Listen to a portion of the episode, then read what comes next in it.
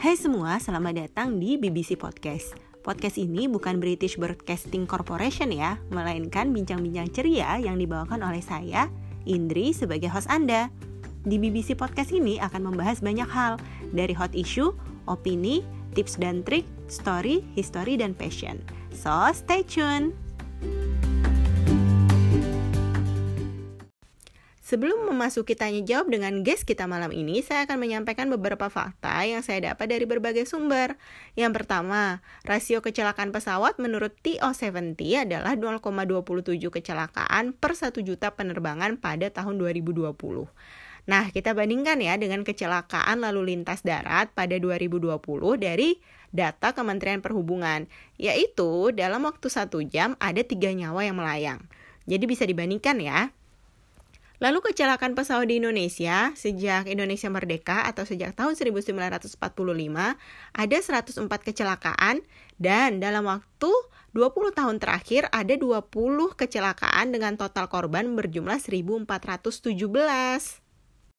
Lalu fakta yang ketiga, European Union ternyata pernah ban atau melarang National Aviation Indonesia pada tahun 2007 hingga 2018.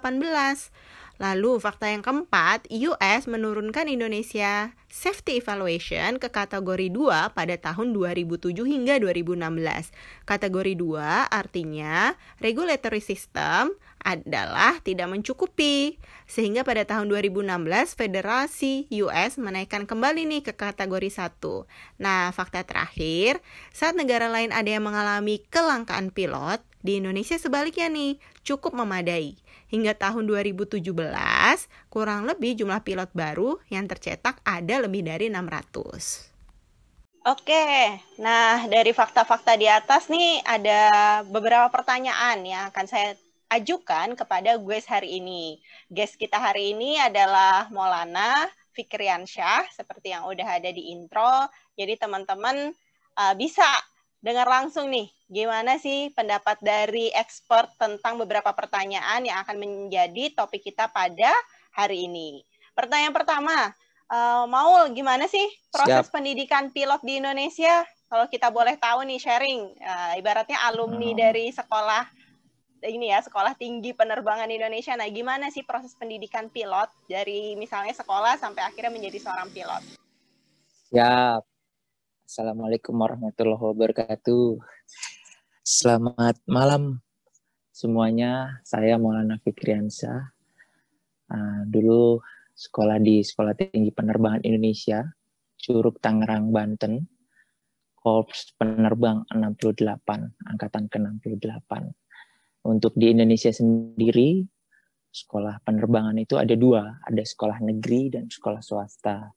Yang mana total keseluruhannya sekitar ada 22 sekolah penerbangan.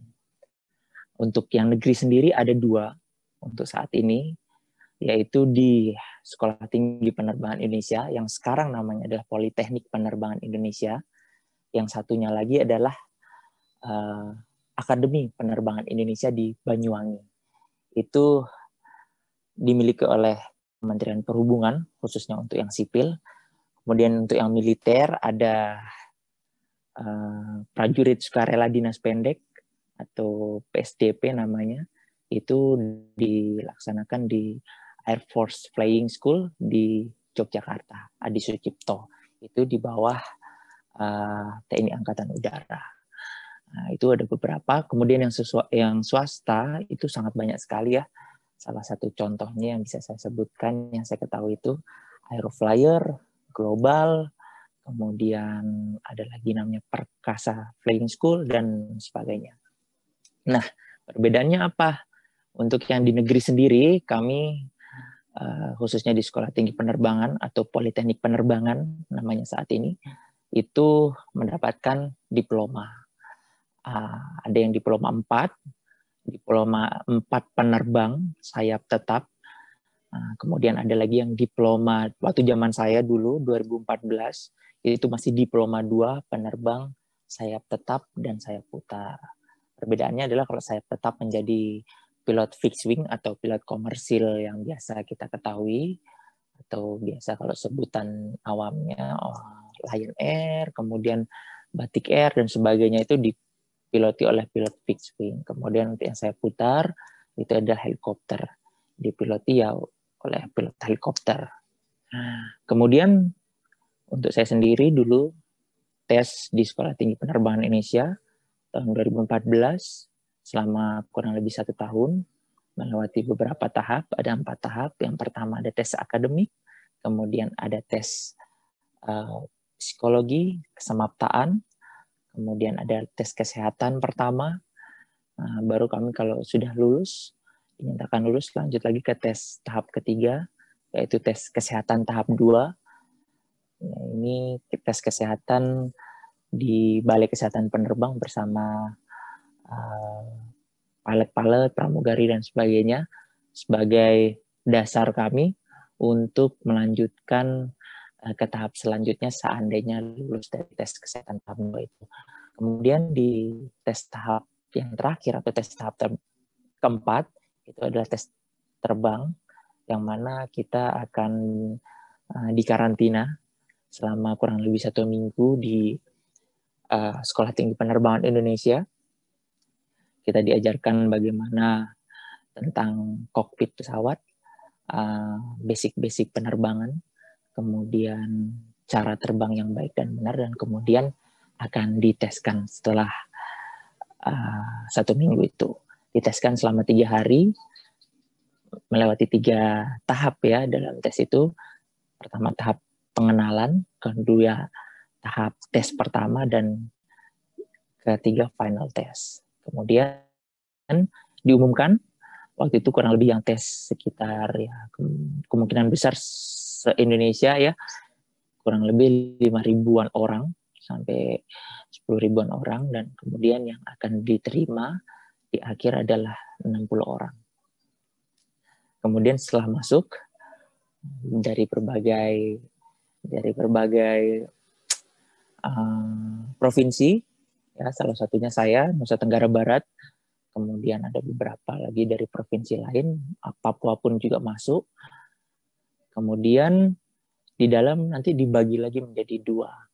Ada yang saya putar dan ada yang saya tetap untuk yang saya putar sendiri kita harus melewati dulu sekolah penerbang saya tetap. Jadi kita harus mengumpulkan jam terbang untuk uh, terbang pesawat biasa atau pesawat capung atau biasa disebut Cessna atau uh, Warrior namanya pesawat-pesawat kecil. Itu kami harus semuanya 60-60-nya itu uh, belajar terbang itu dulu selama kurang lebih sampai mendapatkan license uh, private pilot license kemudian baru dipecah. Uh, ada yang masuk ke dalam uh, pilot sayap tetap tetap. Ada juga yang pindah ke sayap putar. Yang dipindah sayap putar akan melewati tes kembali. Jadi tesnya adalah uh, psikologi kemudian track record track record selama dia terbang di sayap tetap itu kemudian uh, wawancara nanti uh, disaring lagi dihasilkan enam penerbang saya tetap. Eh, mohon maaf, saya putar. Nah, salah satunya saya dari Nusa Tenggara Barat. Sisanya yang 54 orang itu tetap di pilot fixed wing atau saya tetap. Begitu. Jadi yang enam orang inilah yang digodok kembali selama satu tahun untuk sekolah helikopter yang pilot-pilot 54 orang tadi diluluskan, kami lanjut selama setahun. Jadi total kami sekolah untuk yang pilot saya putar atau helikopter selama kurang lebih lima tahun. Dari 2014 kami tes sampai 2019 September lalu saya lulus. Untuk yang saya tetap itu di 2018 mereka sudah lulus. Kemudian saat ini saya ada di uh, Carpe Diem Air, perusahaan helikopter penerbangan yang home base-nya di Napire. Uh, untuk terbangnya sendiri kita di uh, around Nabire. Kemudian selebihnya itu yang bisa saya jelasin. Okay. Mohon maaf. Terima kasih. Ya. Makasih Maulana. Seru banget ya. Jadi kalau misalnya dari penjelasan, saya juga baru tahu nih ada pilot sayap tetap, pilot sayap putar. Itu istilah yang yang ini ya, maksudnya fixed wing gitu kan. Karena memang kalau yeah. dari bentuk pesawat, pesawatnya tetap. Kalau yang komersial, kalau yang helikopter kan yang ada baling-balingnya, bahasanya pesawat baling-baling ya. Baling-baling, gitu. ya. Betul. Oke, jadi ini pembelajaran yang baru. Nah, kalau misalnya tadi dari penjelasan Maulana, kita bisa lihat juga kalau tadi yang fixed wing itu cuma empat tahun, tapi kalau yang saya putar lima tahun totalnya, betul? Iya, betul sekali. Oke. Waktu Terus angkatan kalau, saya ya. Oh, apakah ada perubahan selama beberapa tahun ke belakang atau terakhir gitu? Kurang lebih sama setiap tahunnya. Itu kan tergantung uh, banyak banyak faktor. Biasa terbangnya lambat karena faktor cuaca kah? Atau faktor kreditnya sendiri kah? Atau tarunannya sendiri? Atau faktor-faktor lain? Salah satu salah banyak contohnya adalah faktor apakah pesawatnya available kah dan sebagainya itu ditentukan dari situ salah satunya lulusnya itu cepat apa enggaknya dari situ. Oke. Iya, saya pernah nonton Running Man ya, edisi uh, ada satu edisi New Zealand, satu edisi Korea, Byung Man gitu kan, itu salah yeah. satu komedian Korea. Itu dia ini akhirnya pindah profesi jadi uh, bukan pindah profesi nyobain gimana sih jadi pilot gitu. Jadi uh, hmm. jadi seru juga. Jadi dia juga belajar bahasa Inggris gitu kan ya. Habis itu juga yeah. dia ngumpulin jam terbang. Nah, mungkin tadi beberapa pertanyaan kedua yang mau saya sampaikan itu udah dijawab ya seperti sertifikasi dan syarat gitu oh, bagi iya, pilot yeah, di Indonesia untuk menerbangkan pesawat. Nah, kira-kira kalau misalnya biasa kalau pilot apalagi kalau kecelakaan pesawat itu biasa pilotnya disebut ya nama, jam terbang sama type ratingnya. Nah, mungkin kalau yeah. jam terbang sama pilot tipe pesawat apa kan tadi udah dijelaskan. Nah, type rating ini apa sih kalau boleh tahu Maulana? Type rating itu sama dengan tipe pesawat yang di, di yang dia kuasai atau yang dia qualified. Jadi salah satu contoh kalau kita punya uh, license ya license commercial pilot license, kemudian pilot itu akan memiliki berapa type rating Contoh bodohnya, kalau saya ini belajar mobil, yang bisa saya kendarai adalah mobil Innova, Avanza, Xenia. Nah, itu adalah tiga type rating yang berbeda. Type rating Avanza, type rating Innova, type rating Xenia. Ya, sama seperti di uh, seperti di penerbangan atau di pesawat gitu ya.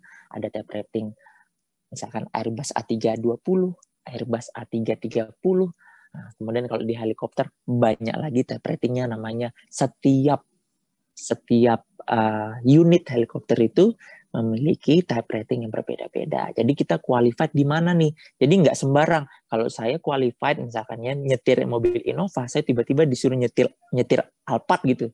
Nggak bisa. Saya harus belajar dulu uh, kondisi kokpitnya mobil Alphard bagaimana, cara mengendarinya bagaimana, titik-titik uh, lampunya di mana dan itu kita harus sekolah lagi ya kurang lebih untuk penyesuaian itu 2 sampai 3 bulan lah begitu.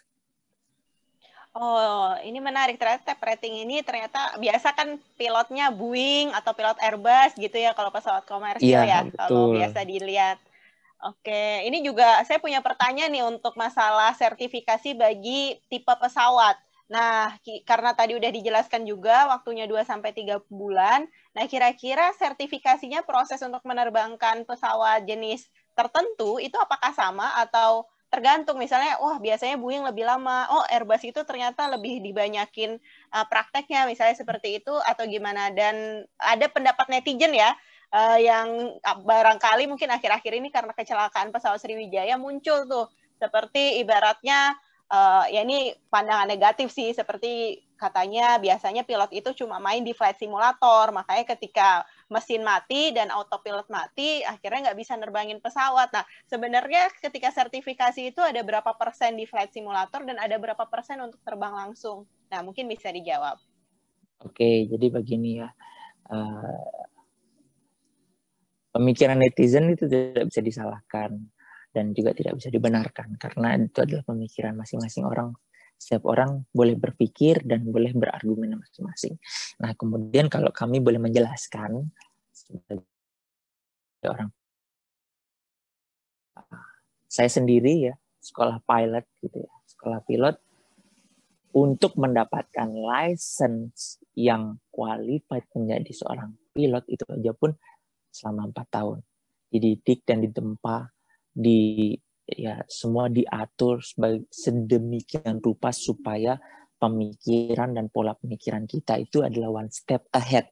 One step ahead dari keadaan sekarang. Nah itulah yang dididik dan dipupuk terus sehingga kita punya pemikiran eh, bahwa bisa memprediksi kejadian satu sampai dua langkah di depan kita.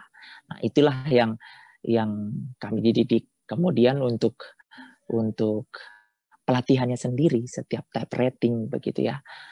Itu akan kalau ditanya berapa persen di simulator, berapa persen di terbang langsungnya gitu ya. Kalau semua uh, kondisi-kondisi abnormal itu akan diuji coba di simulator ya. Sebagai contoh kalau weather cuaca buruk, kemudian engine fail, kemudian uh, instrumen flight dan sebagainya itu akan di diuji coba di simulator. Kemudian untuk langsung terbangnya adalah uh, mengikuti jam terbang. Jadi kan kop, uh, apa pilot itu kan nggak langsung menjadi captain ya. Dia itu akan menjadi second officer dulu, baru menjadi first first officer dulu, kemudian jadi captain. Melalui, cap, mau jadi captain pun ada melalui namanya captaincy. Itu juga diuji coba cara bertanggung jawabnya, cara pola berpikirnya, ya kan, cara cara decision makingnya bagaimana itu semua di diuji coba. Nah, yang menguji coba siapa? Kementerian Perhubungan. Per, Kementerian Perhubungan melalui mana? Direktorat Jenderal Perhubungan Udara.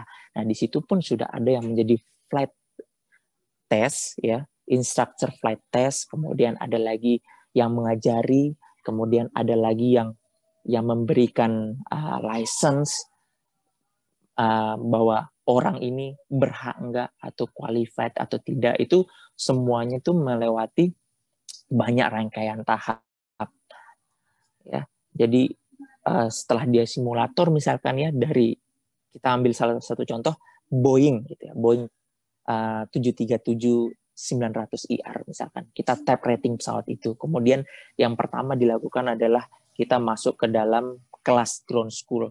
Setelah kita ground school, kita akan mulai mengenal uh, flight simulator. Setelah itu di flight simulator kita harus mengumpulkan beberapa jam dengan segala unconditional ya kan salah satu contoh yang saya sebutkan tadi weather bad weather kemudian engine fail dan sebagainya itu akan diuji coba di situ kemudian setelah mereka uh, lulus dari flight simulator itu akan masuk ke terbang terbang nyata terbang langsung di mana diuji coba di eh, bandara-bandara uh, yang uh, crowded kayak Soekarno Hatta gitu ya. Diuji coba melawan apa melatih mentalnya untuk bertemu dengan berbagai macam pesawat dengan keadaan yang berbagai macam dengan real weather dan sebagainya. Itu itu langsung diuji coba di situ. Ketika dia lulus ya, ketika dia lulus dia lulus maka dia akan menjadi second officer dulu, duduk di tengah ya, duduk di tengah di antara uh, copilot dan captain.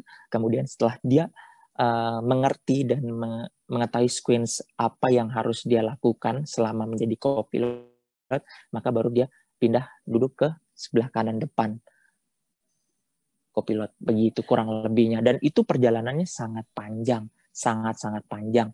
Jadi tidak semerta-merta uh, mendapatkan license khususnya type rating itu dengan mudah begitu tidak tidak begitu jadi semua sudah diuji coba dan sudah di uh, sudah melewati berbagai tahap untuk dia bisa tembus menjadi seorang kopilot. Begitu pula untuk naik menjadi captain itu pun melewati banyak rangkaian tes. Salah satunya juga tes kesehatan, kemudian uh, tes uh, EEG apa ECG saya lupa namanya. Terus uh, melewati tes uh, berbentuk uh, tulis begitu ya. Jadi sangat-sangat banyak banget ya tahap-tahap atau step-step yang harus dilakukan untuk menjadi at least setidaknya duduk di copilot itu sudah sangat-sangat beruntung begitu. Oke. Wah, jelas banget ya. Mungkin tadi yang perlu di-highlight ya bagian ini ya, pendapat netizen itu bisa benar, bisa salah karena itu pendapat mereka itu benar banget. Karena zaman sekarang iya, kan betul. capek ya kalau misalnya nurutin pendapat netizen gitu, bahasanya gitu. Yeah. Nah, tadi mungkin kalau misalnya first officer mungkin kita sering dengar tuh Maul karena co-pilot. Second yeah. officer tadi kita baru dengar nih mungkin karena berada di tengah. Uh, itu kira-kira untuk penerbangan komersil ada second officer atau hanya untuk penerbangan tertentu yang ada second officer? Uh, second officer itu akan ada ketika uh, orangnya ini baru baru selesai menyelesaikan terbang yang di tempat crowded tadi ya dalam keadaan uh, dia menghandle pesawatnya sendiri. Nah, kemudian ketika dia sudah lulus maka dia duduk di second officer dulu. Ya kurang lebih sebulan dua bulan itu masih dalam tahap training. Kemudian baru dirilis, baru boleh duduk di kanan captain atau di first officer tadi gitu. Oke, nah itu tadi kita udah jelas banget ya proses gimana training menjadi seorang pilot, tesnya apa aja, berapa lama pendidikannya, dan ada tipe apa aja. Mungkin sekarang kita lanjut ke pertanyaan mengenai keselamatan penerbangan di Indonesia yang mungkin ada ini ya, ada beberapa isu atau ada beberapa masalah atau ada beberapa reward yang juga didapat. Nah, mungkin sebelum yeah. sampai ke situ ada beberapa ini ya yang kita ikutin peraturan kalau misalnya naik pesawat seperti ketika take off dan landing Eh, seperti tidak boleh menyalakan HP, harus membuka jendela, melipat meja, menegakkan kursi dan lain-lain. Nah, ini mungkin selalu kita dapatkan ketika naik pesawat, tapi mungkin iya, orang-orang ya, banyak yang belum tahu fungsinya apa aja. Nah, kira-kira boleh dijelaskan nggak apa sih fungsi uh, misalnya dari membuka jendela itu kenapa dan lain sebagainya? Oke, terima kasih banyak pertanyaannya. Sangat menarik ya. Memang itu kadang suka disepelein oleh penumpang karena uh, dia tidak tahu fungsi dan kegunaannya. Mengapa sih seperti itu? Nah maka dari itu saya bantu menjawab sepengetahuan saya ya. Dan se mengertinya saya selama saya mempelajari ya. Uh, salah satu contoh untuk menegakkan kursi. Nah jadi ketika uh, pesawat itu sudah running di runway ya. Tiba-tiba di abort take off atau menggagalkan take off-nya. Maka uh, terjadilah uh, per, apa ya rem yang ekstrim. Kemudian biasanya kita disuruh uh, apa ya nunduk nunduk atau me, apa ya telungkep gitu ya bahasa Jawanya telungkep gitu ya untuk uh, safety reasonnya adalah tidak terbentur dengan uh, kursi depannya. Jadi posisinya kita lebih move movementnya lebih cepat untuk kelungkep tadi itu. Ketika uh, uh, apa namanya pesawatnya sedang rem yang sangat ekstrim atau atau seburuk-buruknya adalah over runway atau lewat dari runway dan melewati ya apa namanya clear way clear way itu bisa jadi rumput dan sebagainya itu yang mana itu um, punya goncangan yang sangat sangat keras dan sebagainya dengan kecepatan yang sangat tinggi ya kan. Jadi kita harus cepat itu tadi terungkap, kemudian melindungi kepala kita ya. Nah, itu makanya harus menegakkan kursi. Itu yang pertama. Yang kedua, mengapa uh, buka buka jendela sama juga safety reason ketika pesawat itu take off dan engine engine fail atau atau apa pun itu kita mengetahui keadaan luar. Kita uh, um, ibaratnya monitor bersama apakah pesawat ini itu berjalan dengan sesuai yang diinginkan pilotnya apakah pesawat ini ada uh, sedikit malfunction ya ibaratnya itu ya ada kok ada percikan api ya nah, itu kan ada report dari dari uh, passenger atau penumpang ya yang akan direport ke pramugari jadi kita mengerti. Atau seandainya pesawatnya langsung ke kanan, menukik tajam, kita sudah tahu apa yang akan terjadi. Ya, makanya jendela harus terbuka. Karena uh, critical 11 itu adalah 11 menit take off dan 11 menit landing seperti itu. Jadi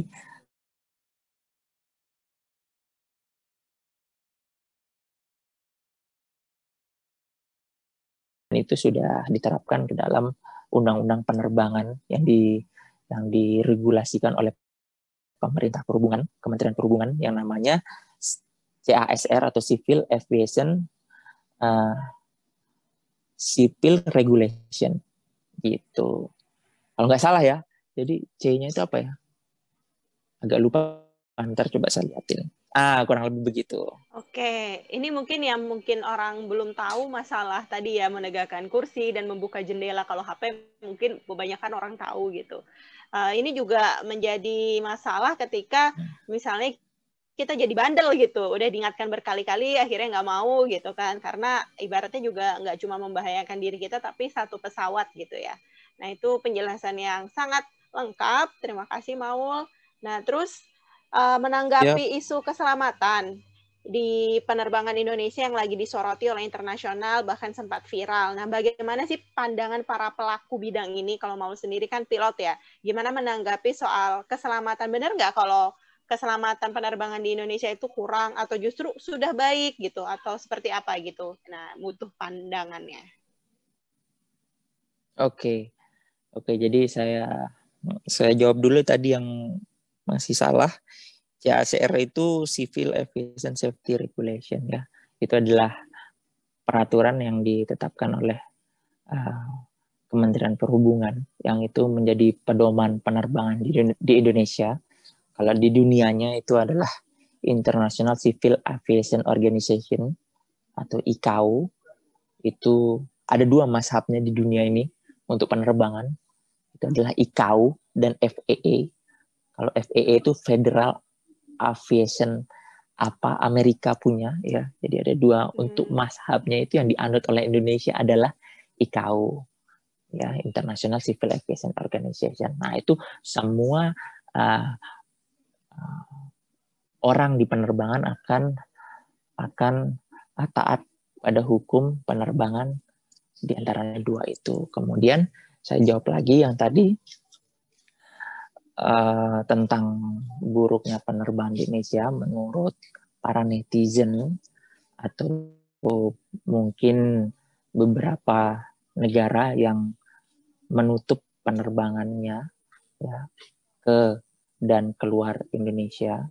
Atau salah satu contohnya adalah uh, Eropa waktu itu dari tahun 2007 sampai 2018 tidak memberikan izin kepada maskapai penerbangan Indonesia untuk touch and go di di Eropa.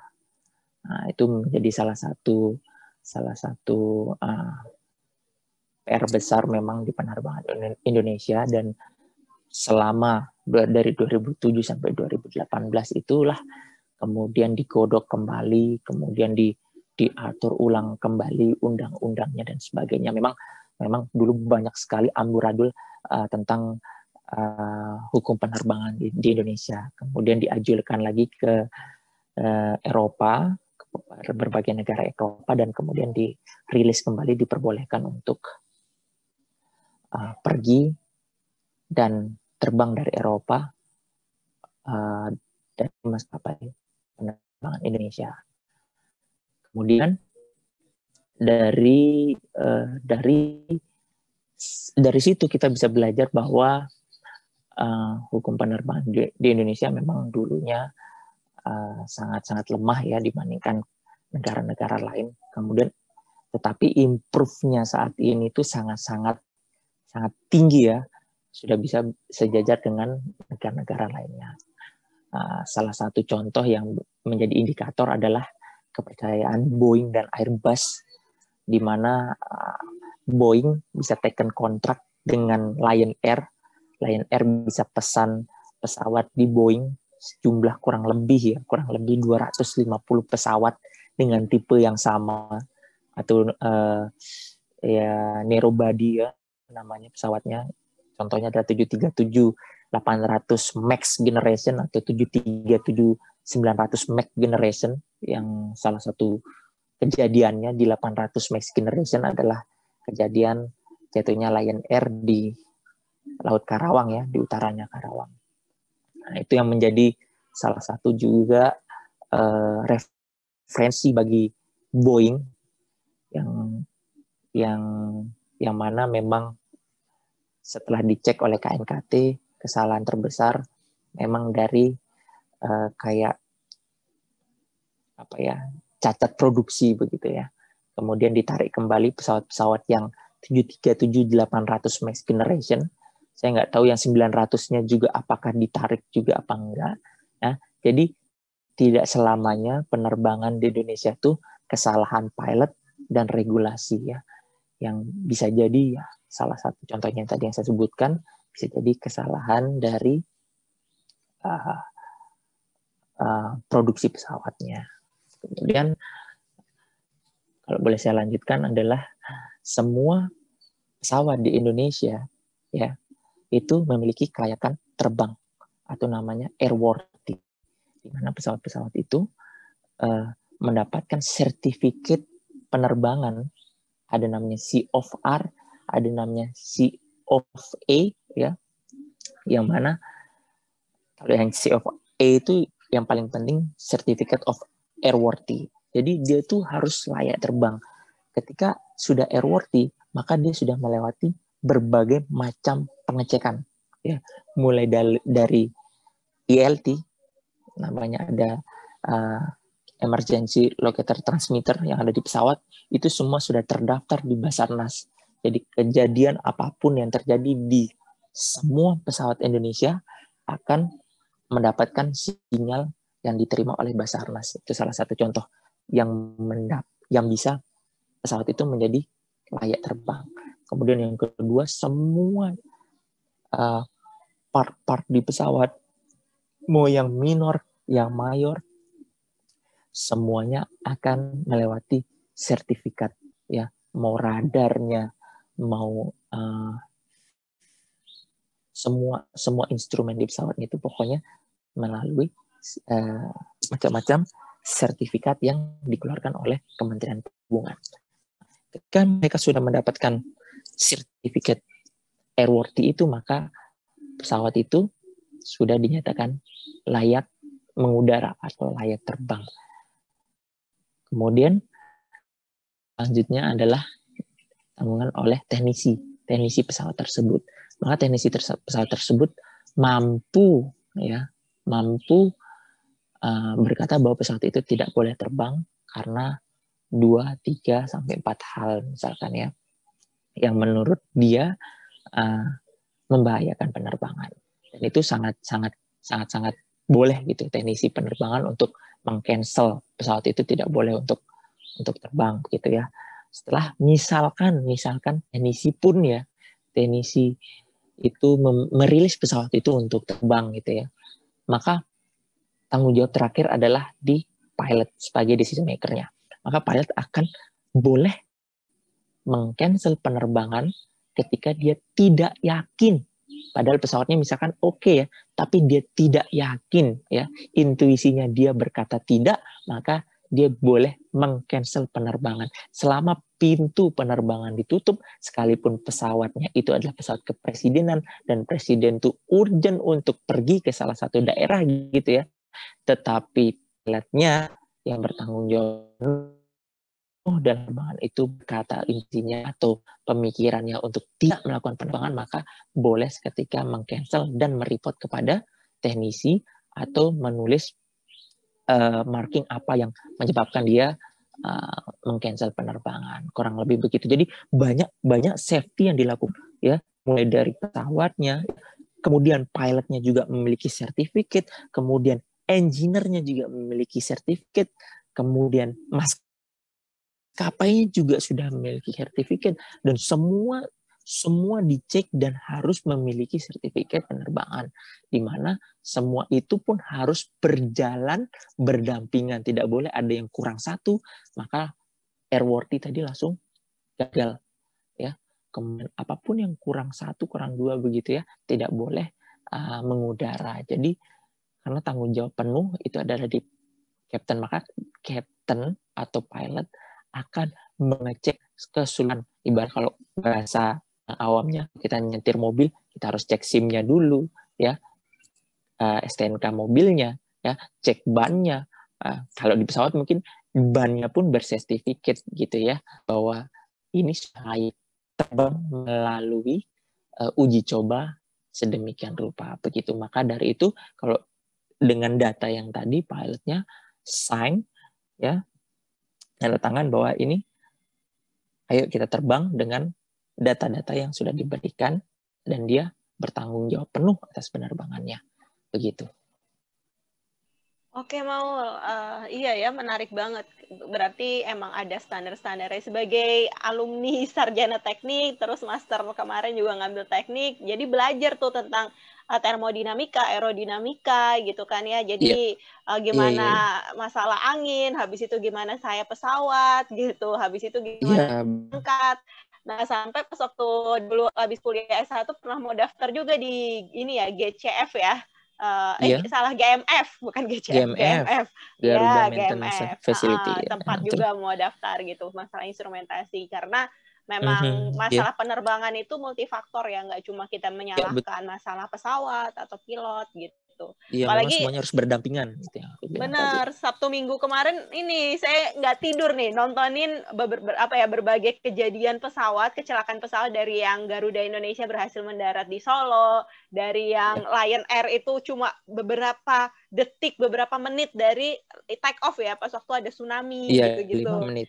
Uh, lima menit bahkan ada yang sampai nabrak pegunungan gitu dua pilot ya dan berhasil yeah. selamat gitu. Nah, ada beberapa faktor di mana ya benar decision maker atau decision makingnya para pilot itu benar-benar bisa menjadi penentu gitu apakah bisa iya. selamat yeah. atau bisa ibaratnya menghadapi berbagai tadi masalah teknis ataupun masalah cuaca gitu. Nah kalau misalnya ini kan masalah cuaca ada ada yang sering disebut nih awan cumulonimbus, bener nggak tuh?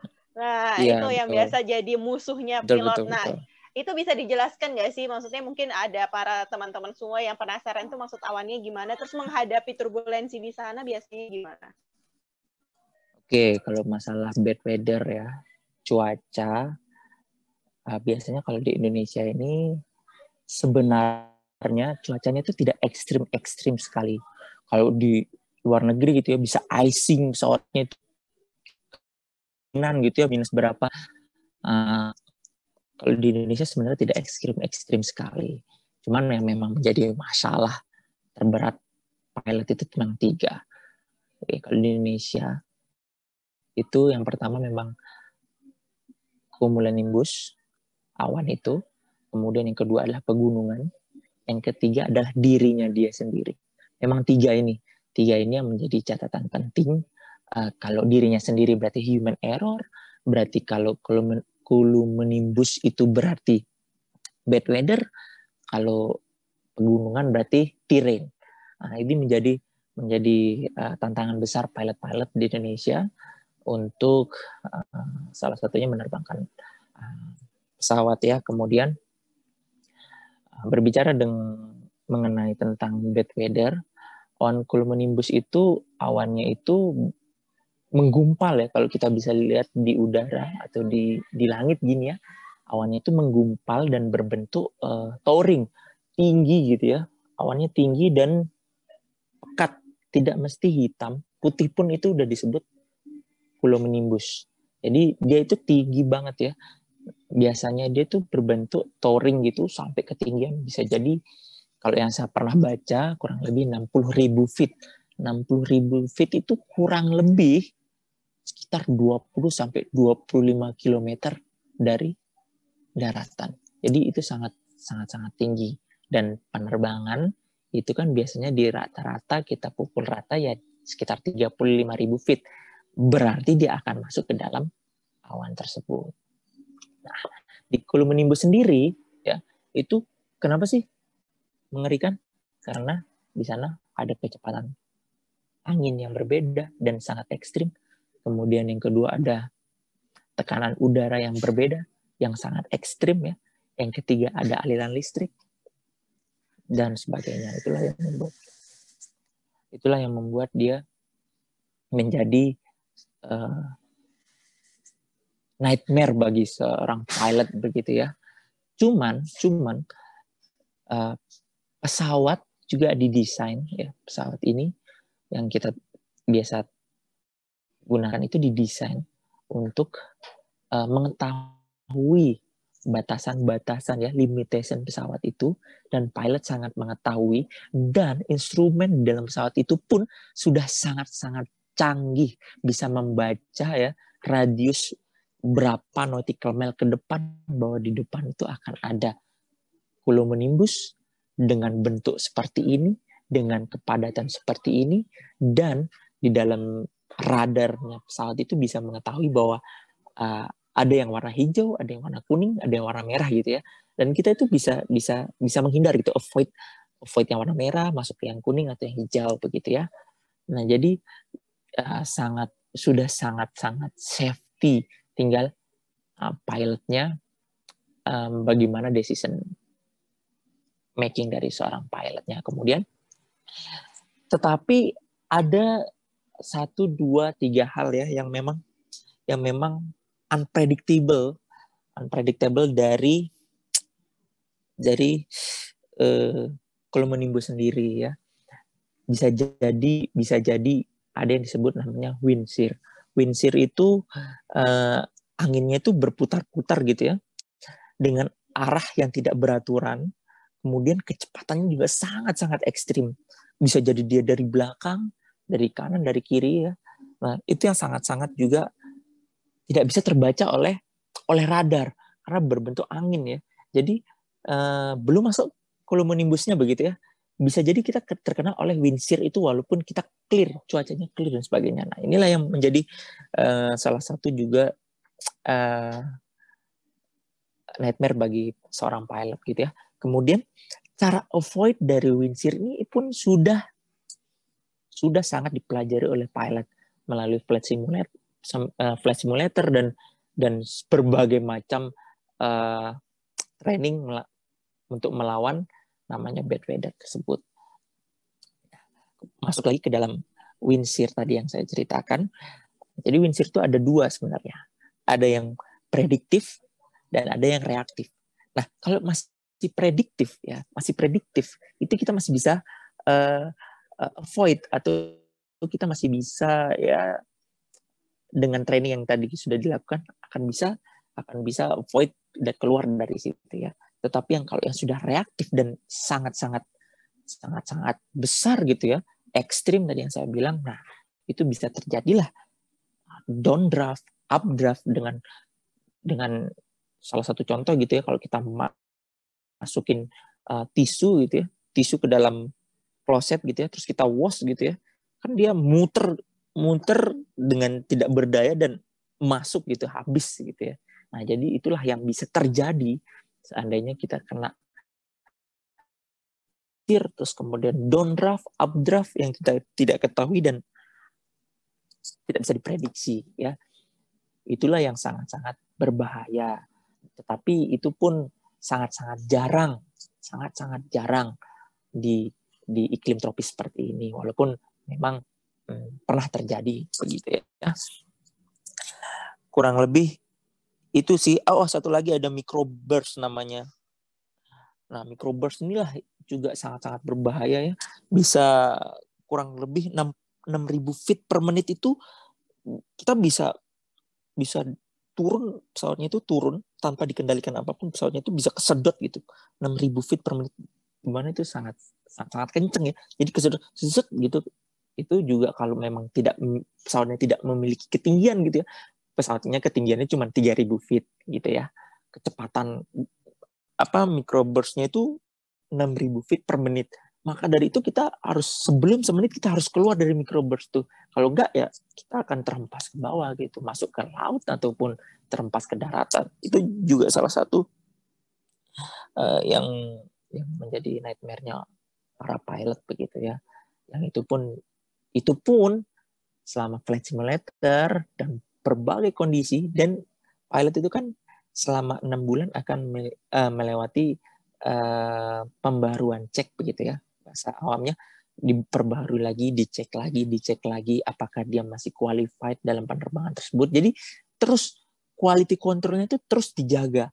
Entah entah tentang kesehatannya entah tentang skillnya entah tentang knowledge-nya ten tentang uh, apa namanya kepribadiannya tentang uh, psikologinya dan tanggung jawabnya itu semua diperbaharui melewati tes-tes itu selama jadi enam bulan gitu tes lagi enam bulan tes lagi gitu.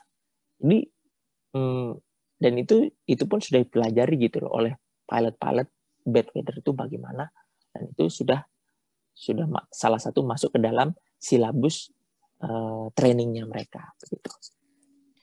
Oke, wah lengkap banget ya Mau nih ada beberapa pertanyaan yang bahkan belum saya sampaikan tapi udah dijawab seperti masalah standarnya apakah internasional itu standar internasional yang dipakai Indonesia tadi juga udah dijawab terus juga soal yeah. uh, bagaimana training yang diberikan ke pilot apakah uh, ada training rutin walaupun dia udah jadi kapten udah jadi pilot apakah ada training rutin tadi juga udah dijawab. Jadi mungkin itu iya. untuk hari ini seru banget dan semoga ini bisa menjadi edukasi ke teman-teman yang awam, teman-teman semua pendengar supaya bisa sangat terbuka gitu. Ibaratnya uh, saya pribadi juga agak ketakutan, bukan ketakutan sih, maksudnya agak worry juga ya dengan dengan wah kemarin Lion Air akhirnya nggak naik Lion Air Asia akhirnya nggak naik Air Asia Sriwijaya akhirnya nggak naik Sriwijaya bahkan Garuda yeah. pun juga setelah saya lihat data banyak kecelakaan Garuda akhirnya semua maskapai itu ada jadi harus naik apa kan nggak mungkin ya kita nggak naik pesawat dalam kalau misalnya iya. traveling yeah. gitu nah semoga ini bisa menjadi obat yeah. gitu ibaratnya kita harus optimis walaupun kita harus kritis gitu jadi yeah. ibaratnya jangan skeptis yeah. lah terhadap penerbangan karena bukan kalau kecelakaan mobil atau kecelakaan motor mungkin ada peluang supir itu bisa uh, lebih selamat. Tapi kalau kecelakaan pesawat kayaknya jarang ya ibaratnya uh, misalnya yeah, ada korban betul, gitu ya betul. ya pasti korbannya semua. Kecuali kalau yang saya baca sih bahkan kecelakaan adis ini ya pas waktu di Solo pesawat nabrak kuburan yang dia lewat dari runway karena breaknya breakernya nggak ini ya nggak bisa yeah, gitu. Nah betul, itu bahkan pilotnya meninggal. Uh, bahkan pilotnya meninggal gitu kan. Yeah. Nah, terus ada juga yang kayak kalau nggak salah Jogja atau yeah, Solo yang betul. dia bones ya. Jadi pas waktu mendarat gitu uh, bones gitu, bones itu mantul ya pesawatnya. Itu juga ada beberapa korban gitu. Iya.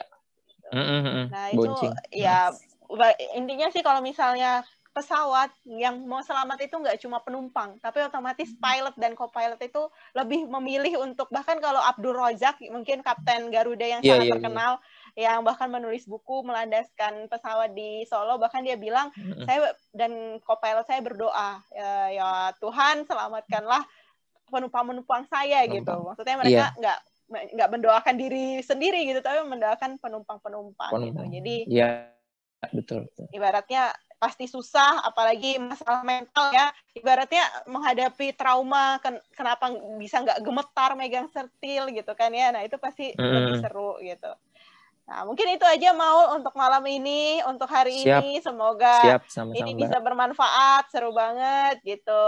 Terima Siap. kasih. Iya, kembali kasih.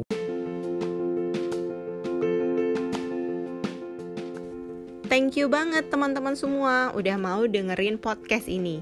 Untuk update jangan lupa follow podcast kita di Twitter, Facebook page, dan juga Instagram. Bincang ceria.